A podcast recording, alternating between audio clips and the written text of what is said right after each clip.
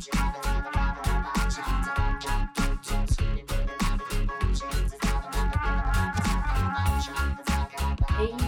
en welkom bij de Road to Remote Show. Ik ben Shana en als arbeidspsycholoog help ik jou naar meer vrijheid door je te leren hoe je kan werken van waar jij wil. In deze derde aflevering van mijn podcast heb ik het over een situatie waar we allemaal in zitten op dit moment: corona.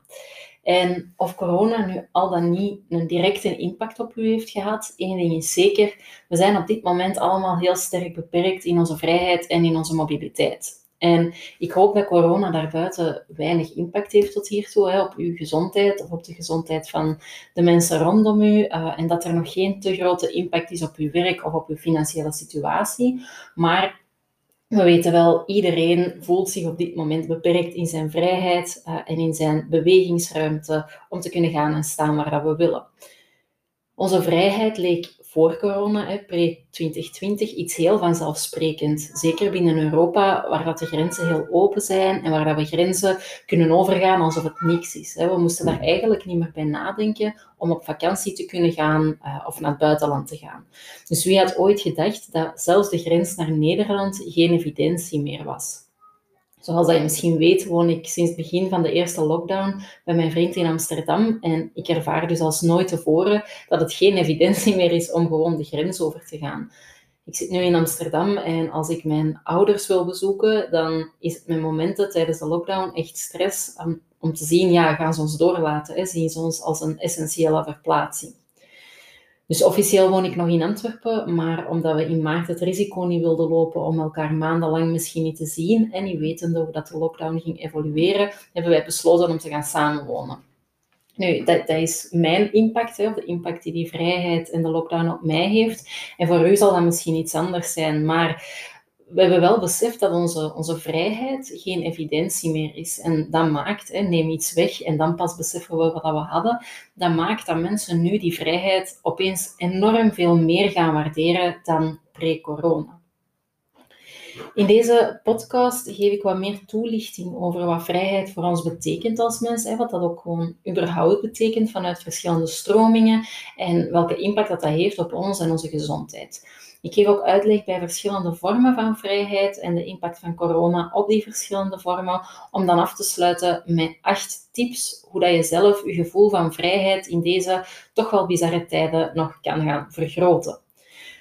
Dus ja, beginnen met wat is vrijheid? En ja, we kunnen een heel brede tour op gaan, hè, want vrijheid is zo'n breed begrip geworden, ook zo'n vaag begrip waar iedereen iets anders onder begrijpt. Dus het is heel moeilijk om daar een absolute definitie, of een zwart op wit vaste definitie op te plakken, die voor iedereen van toepassing is. En we kunnen bijvoorbeeld ook de hele filosofische toer op gaan. En als we gaan kijken naar wat eigenlijk zowel filosofen als neurowetenschappers uh, zeggen, of zeiden al heel lang geleden in, in de geschiedenis, dan zeggen die dat wij als mens een product zijn van onze hersenprocessen. En als dat waar is, als we puur een product zijn van onze hersenen, dan is vrijheid natuurlijk iets heel relatiefs. Want dan kunt je afvragen of dat we überhaupt ooit echt vrij kunnen zijn. En in de filosofie wordt het feit dat wij enkel onze hersenstromen zijn, enkel de energie die plaatsvindt in onze hersenen, het fysicalisme genoemd. En als dat fysicalisme dus waarheid is, dan is vrijheid een illusie. Een andere stroom uit de filosofie is het dualisme. Dat is een stroom die daar tegenin gaat en die zegt dat lichaam en geest twee gescheiden zaken zijn. Waar dat fysicalisme dat als een geheel ziet, maar wel met twee gezichten, body en mind, zegt het dualisme, dat zijn echt twee totaal verschillende dingen. Nu, ik denk de dag van vandaag ja, ik denk niet dat we nog geloven dat lichaam en geest volledig uh, gescheiden zijn en, en dat ze elkaar aanvullen. Dus in die zin denk ik dat we ook wel ons eerder kunnen aansluiten bij die stroom van het fysicalisme. De vraag is dan natuurlijk, ja, kunnen we dan ooit vrij zijn hè, als we puur onderhevig zijn aan onze hersenstromen? En dat fysicalisme dat is nog altijd dominant, maar er is wel meer nuance aangebracht als het gaat om vrijheid. In die zin dat vrijheid dus geen illusie meer hoeft te zijn. Want waarover gaat dan nu eigenlijk vrijheid? Zoals ik al zei, dat is niet iets dat zwart op wit voor iedereen hetzelfde omschreven kan worden. Uh, het gaat ook niet op, over vrijheid als materie op zich, maar het gaat om onze perceptie of onze ervaring van vrijheid. Hè. Dat is belangrijk en daar heb je wel invloed op natuurlijk, hè, op je eigen perceptie of hoe dat jij vrijheid ervaart. Verder wordt er ook een onderscheid gemaakt tussen enerzijds vrijheid om te doen wat je wil, versus anderzijds vrijheid om te denken wat je wil. En die eerste vrijheid, dus doen wat je wilt, dat wordt ook wel materiële vrijheid genoemd, die kan van ons afgenomen worden. Beeld wel maar in, jij doet iets heel erg en je, je gaat naar de gevangenis, ja, dan wordt de vrijheid om te doen wat je wilt van je afgenomen. Maar die tweede vrijheid, denken wat je wil, vrijheid in je denken, dat wordt ook formele vrijheid genoemd, die kan ons eigenlijk niet afgenomen worden. Dat is iets dat je altijd gaat hebben. En dat brengt mij ook tot bij Viktor Frankl. Ik weet niet of je die naam misschien al eerder hebt gehoord of niet. Viktor Frankl dat was een, eh, een psychiater en die heeft de gruwelen meegemaakt van de Holocaust. Die zat in, een, in het Auschwitz-kamp, waarbij hij dus ja, heel erge toestanden heeft meegemaakt en van heel dichtbij heeft gezien. En ja, als psychiater heeft hij daar het gedrag van mensen beginnen observeren en zag hij hoe dat mensen in dezelfde context, in dezelfde gruwelijke omstandigheden, toch heel verschillend omgingen met die context waarin dat ze zaten. En hij zag dat sommige mensen ja, zich tegen de prikkeldraad gingen lopen, hè, om, in de hoop dat ze zouden sterven. Andere mensen gingen zich ja, kapot werken om hun gedachten te kunnen verzetten. En anderen die gingen echt op zoek naar de kleine dingen in hun leven waar ze toch nog van konden genieten. En die hadden zoiets van, dit kan niemand mij afpakken. En dat heeft Frankel tot de conclusie doen komen dat er één vrijheid is die ze u als mens nooit gaan kunnen ontnemen. Zelfs als ze al uw andere vrijheid afnemen, is er één vrijheid die je altijd gaat hebben.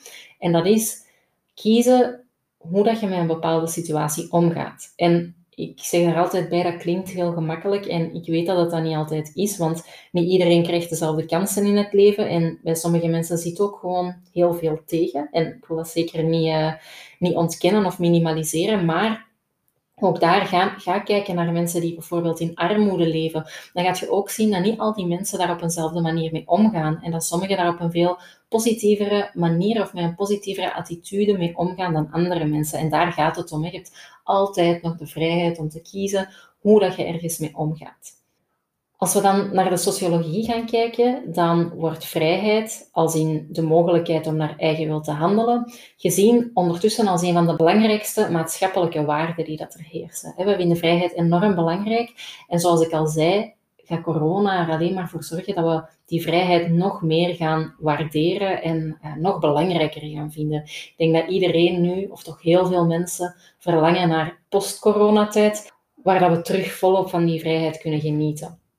Nu, er wordt ook een onderscheid gemaakt tussen positieve en negatieve vrijheid. En hoewel dat de woordkeuze iets anders kan doen uitschijnen, hangt daar geen waardeoordeel aan. Het is dus niet dat negatieve vrijheid iets slecht is en positieve vrijheid iets goed. Het gaat om de aan- of afwezigheid van bepaalde zaken.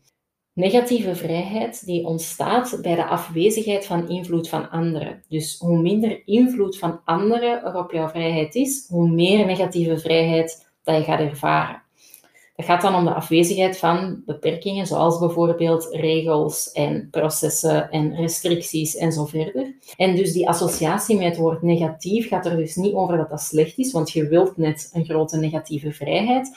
Maar de associatie met het woord negatief gaat over de afwezigheid van die regels of externe invloed. Het gaat om wat je mag doen en welke restricties dat er zijn. Terwijl positieve vrijheid ontstaat wanneer dat jij zelf je eigen leven kan inrichten. Wanneer dat je mogelijkheden hebt waartussen dat je kan kiezen, onafhankelijk van die restricties of derde partijen. Het gaat om de mogelijkheid om keuzes te kunnen maken en om interne factoren. Dus het gaat om wat dat je kan doen, welke mogelijkheden dat je hebt en welke keuzes dat je kan maken. Nu, in coronatijden is die negatieve vrijheid heel klein geworden natuurlijk. Hè? Net omdat er heel veel externe invloed is op onze vrijheid, heel veel regels, heel veel restricties, die maken dat die negatieve vrijheid heel klein wordt. We hebben dus eigenlijk op dit moment bijna enkel nog impact op die positieve vrijheid, de keuze van hoe dat we ons leven gaan inrichten. Daarom is het in deze tijden extra belangrijk dat we die positieve vrijheid zo groot mogelijk maken, dat we zelf kiezen hoe dat we willen leven en ons leven inrichten, zodat wanneer dat die restricties gaan minderen of wegvallen, we in optimale vrijheid kunnen leven, omdat we dan zowel die positieve als negatieve vrijheid kunnen ervaren. Nou, op dit moment moeten we dus vooral gaan kijken naar hoe kan ik mijn positieve vrijheid, dus de impact die ik zelf heb op mijn leven, gaan vergroten. Daarnaast heb je dan ook nog eens het punt dat vrijheid voor iedereen iets anders betekent. Dat gaat ook net om die perceptie of die beleving dat ik net zei van vrijheid. Het is zo'n allesomvattend begrip dat je ook kunt afvragen van ja, wat betekent vrijheid nu eigenlijk voor mij? En waarom is vrijheid belangrijk voor mij? En het antwoord daarop is meestal niet gewoon ja, om te kunnen doen wat ik wil. Vaak gaat het dieper dan dat. Voor mij bijvoorbeeld is vrijheid een middel om geluk te bereiken, maar ook andersom. Geluk ervaren is ook een manier om nog meer vrijheid te gaan ervaren. En voor mij is dat ja, de combinatie van mijn eigen leven te kunnen inrichten en mij niet te hard te laten beïnvloeden door de maatschappij en door mensen rondom mij. Dat maakt dat ik mij mentaal vrij voel. Maar naast dat mentaal vrij voelen, wil ik mij ook nog financieel vrij voelen. En niet door rijk te zijn of miljonair te zijn, maar wel door genoeg te verdienen om te kunnen doen wat ik belangrijk vind en te kunnen doen wat ik graag wil.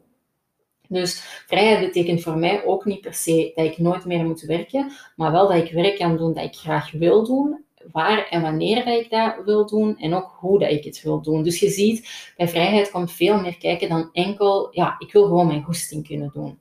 Dus je ziet, als we beginnen praten over, over vrijheid en wat dat betekent, dan valt er heel veel te vertellen. En we kunnen heel hard gaan uitweiden naar sociologie, filosofie, wetenschap. Maar ongeacht al die verschillende stromingen, wat we wel sowieso kunnen concluderen, is dat het gaat om onze perceptie van vrijheid. Het gevoel van ervaring dat we ervaren, want er is geen absolute vorm die voor iedereen hetzelfde is. En nu, in tijden van corona, is het de moment om hiermee aan de slag te gaan en die positieve vrijheid te vergroten. Nu, hoe kun je dat doen? Ik ga u echt tips geven die je kunnen helpen om je eigen vrijheid te gaan vergroten. Door enerzijds vooral in te zetten op het vergroten van die positieve vrijheid en ook te kijken hoe je de impact van anderen kunt verkleinen. De eerste tip die ik wil geven is connecteren met uzelf en met andere mensen die impact hebben op uw vrijheid. En het klinkt misschien heel fluffy en ik weet ook dat connecteren een heel ja, hot buzzword is op, uh, op dit moment. Maar ik kan u zeggen, ik zelf als persoon, ik hou ook niet altijd van zo heel fluffy of geitenwolle sokken. Uh, en mensen rondom mij zullen mij ook eerder omschrijven als, als iemand heel doelgericht dan fluffy. En toch heb ik geleerd om te connecteren met mezelf en te ontdekken wat ik belangrijk vind. Dus het is niet omdat je niet van fluffy houdt, of niet van geitenwolle sokken houdt, dat je niet kunt connecteren met jezelf. En mediteren bijvoorbeeld kan een goede manier zijn om dat te doen, maar als je zoiets hebt van ja, dat is echt niks voor mij, dat hoeft niet. Je kunt ook op andere manieren connecteren met jezelf en wat je belangrijk vindt. Want om te weten hoe dat je vrijheid kan vergroten, moet je eerst weten wat voor u belangrijk is. Hè? Is uw vrijheid ook afhankelijk van anderen, zoals van uw werkgever? Connecteer dan ook met die mensen. Connecteer ook met uw werkgever. Want dat is echt een eerste stap om meer autonomie te krijgen. Je moet elkaar begrijpen en vertrouwen vooraleer dat je een baas u meer autonomie gaat willen geven. Dus dat connecteren is gewoon super belangrijk. En dat hoeft ook niet heel ingewikkeld te zijn. Je kunt al connecteren met iemand door gewoon in dialoog te gaan. Je kunt daar ook op oefenen door dat bijvoorbeeld te doen op momenten die ja, die niet zo belangrijk zijn, bijvoorbeeld aan de kassa in de winkel, kun je bijvoorbeeld ook eens proberen connecteren met de persoon die voor of achter je in de rij staat, door te kijken naar wat je ziet en met die persoon in dialoog te gaan. Hè. Ziet die persoon er gestresseerd uit, dan kun je bijvoorbeeld zeggen van, ah, ik zie dat je gestrest bent, het zijn toch nogal dagen hè, tegenwoordig, alleen met heel de situatie. En probeer zo eens een keer met mensen te connecteren waar dat dan nog geen grote impact heeft en zo je dat voor jezelf ook wel gemakkelijker maken. Een tweede tip voor meer vrijheid is misschien een beetje contradictorisch in eerste uh, instantie, dat kan misschien zo lijken. Zorg voor een basis aan structuur of een kader voor jezelf. Uh, waarom zeg ik dat? Omdat meteen voor volledige vrijheid gaan kan tot enorme chaos en onzekerheid in je hoofd leiden. Maak dus voor jezelf uit op welke domeinen dat je vrijheid wilt en op welke domeinen dat je eigenlijk net rust vindt door een kader of structuur te hebben. Voor mij bijvoorbeeld werkt het heel goed om een duidelijke planning te hebben. En dan kun je zeggen, ja, maar zo'n strikte planning, dat beperkt u toch in uw vrijheid? Enerzijds wel, anderzijds ben ik nog altijd vrij om die planning aan te passen. En tegelijk biedt die planning mij een overzicht en dus ook mentale rust, wat voor mij ook vrijheid is. Ook een boodschappenlijstje helpt mij bijvoorbeeld. Dat biedt mij een structuur waardoor ik het gevoel heb dat alles onder controle is, ik niet moet stressen en zo ook meer mentale vrijheid ervaar. Dus ook al lijkt dat misschien wat tegenstrijdig, structuur in sommige domeinen van uw leven kan het voor meer vrijheid zorgen. Een derde tip voor meer vrijheid is: maak u minder druk om andere mensen. Je kunt geen vrijheid ervaren als je continu bezig bent met wat anderen van u denken.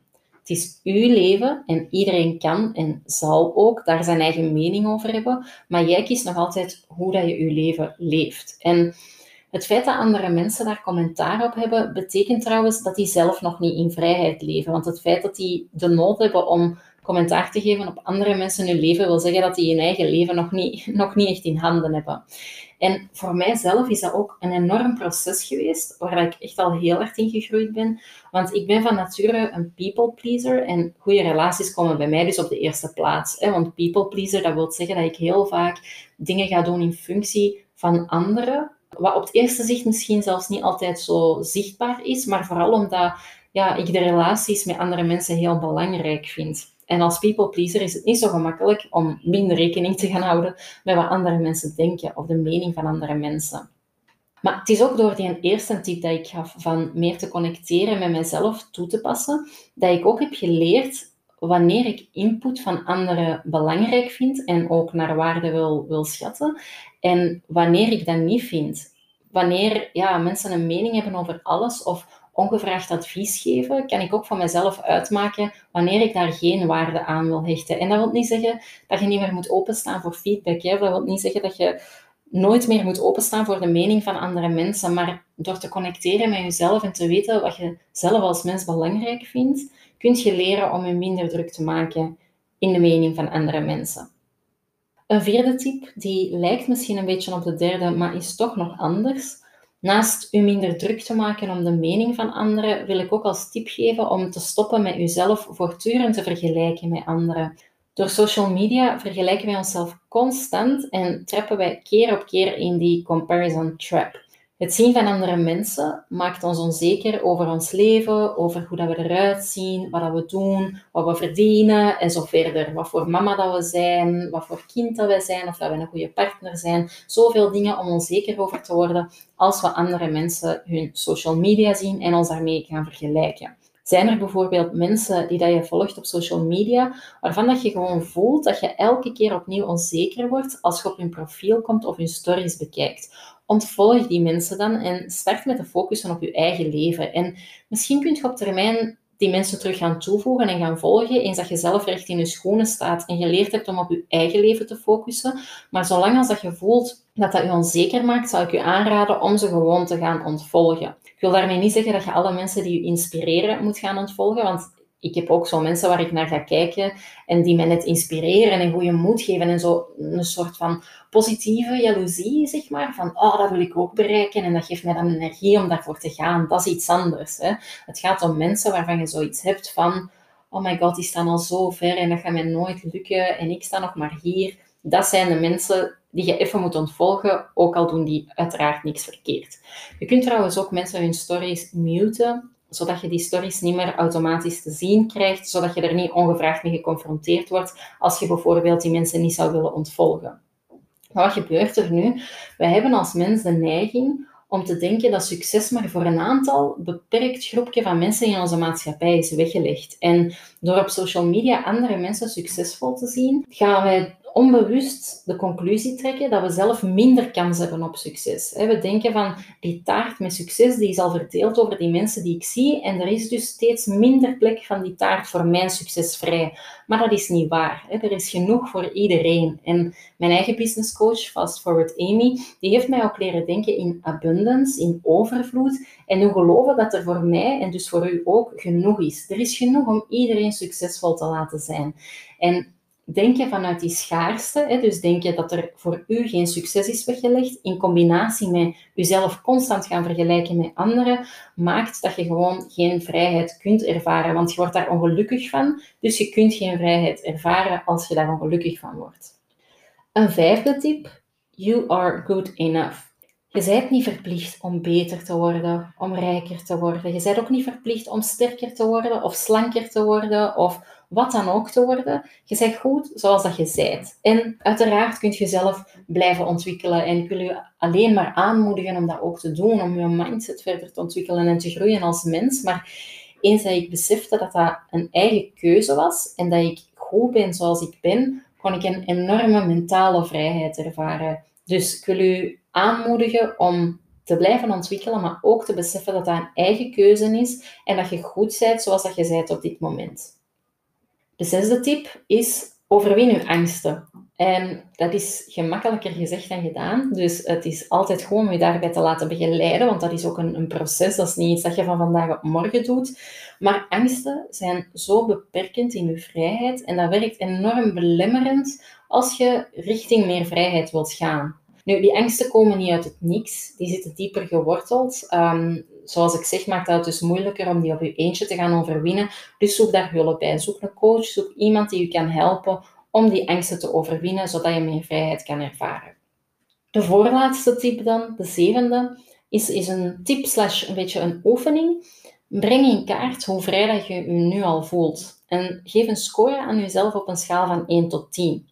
En als je die score hebt gegeven, ik zeg nu maar iets gezegd, ik score een 6 op 10, vraag jezelf dan af wat je zou moeten doen om één punt hoger te scoren. Dus wat moet ik doen om van die 6 naar die 7 te gaan? En wat moet ik doen om naar een 8 te gaan, twee punten hoger dan dat ik nu score?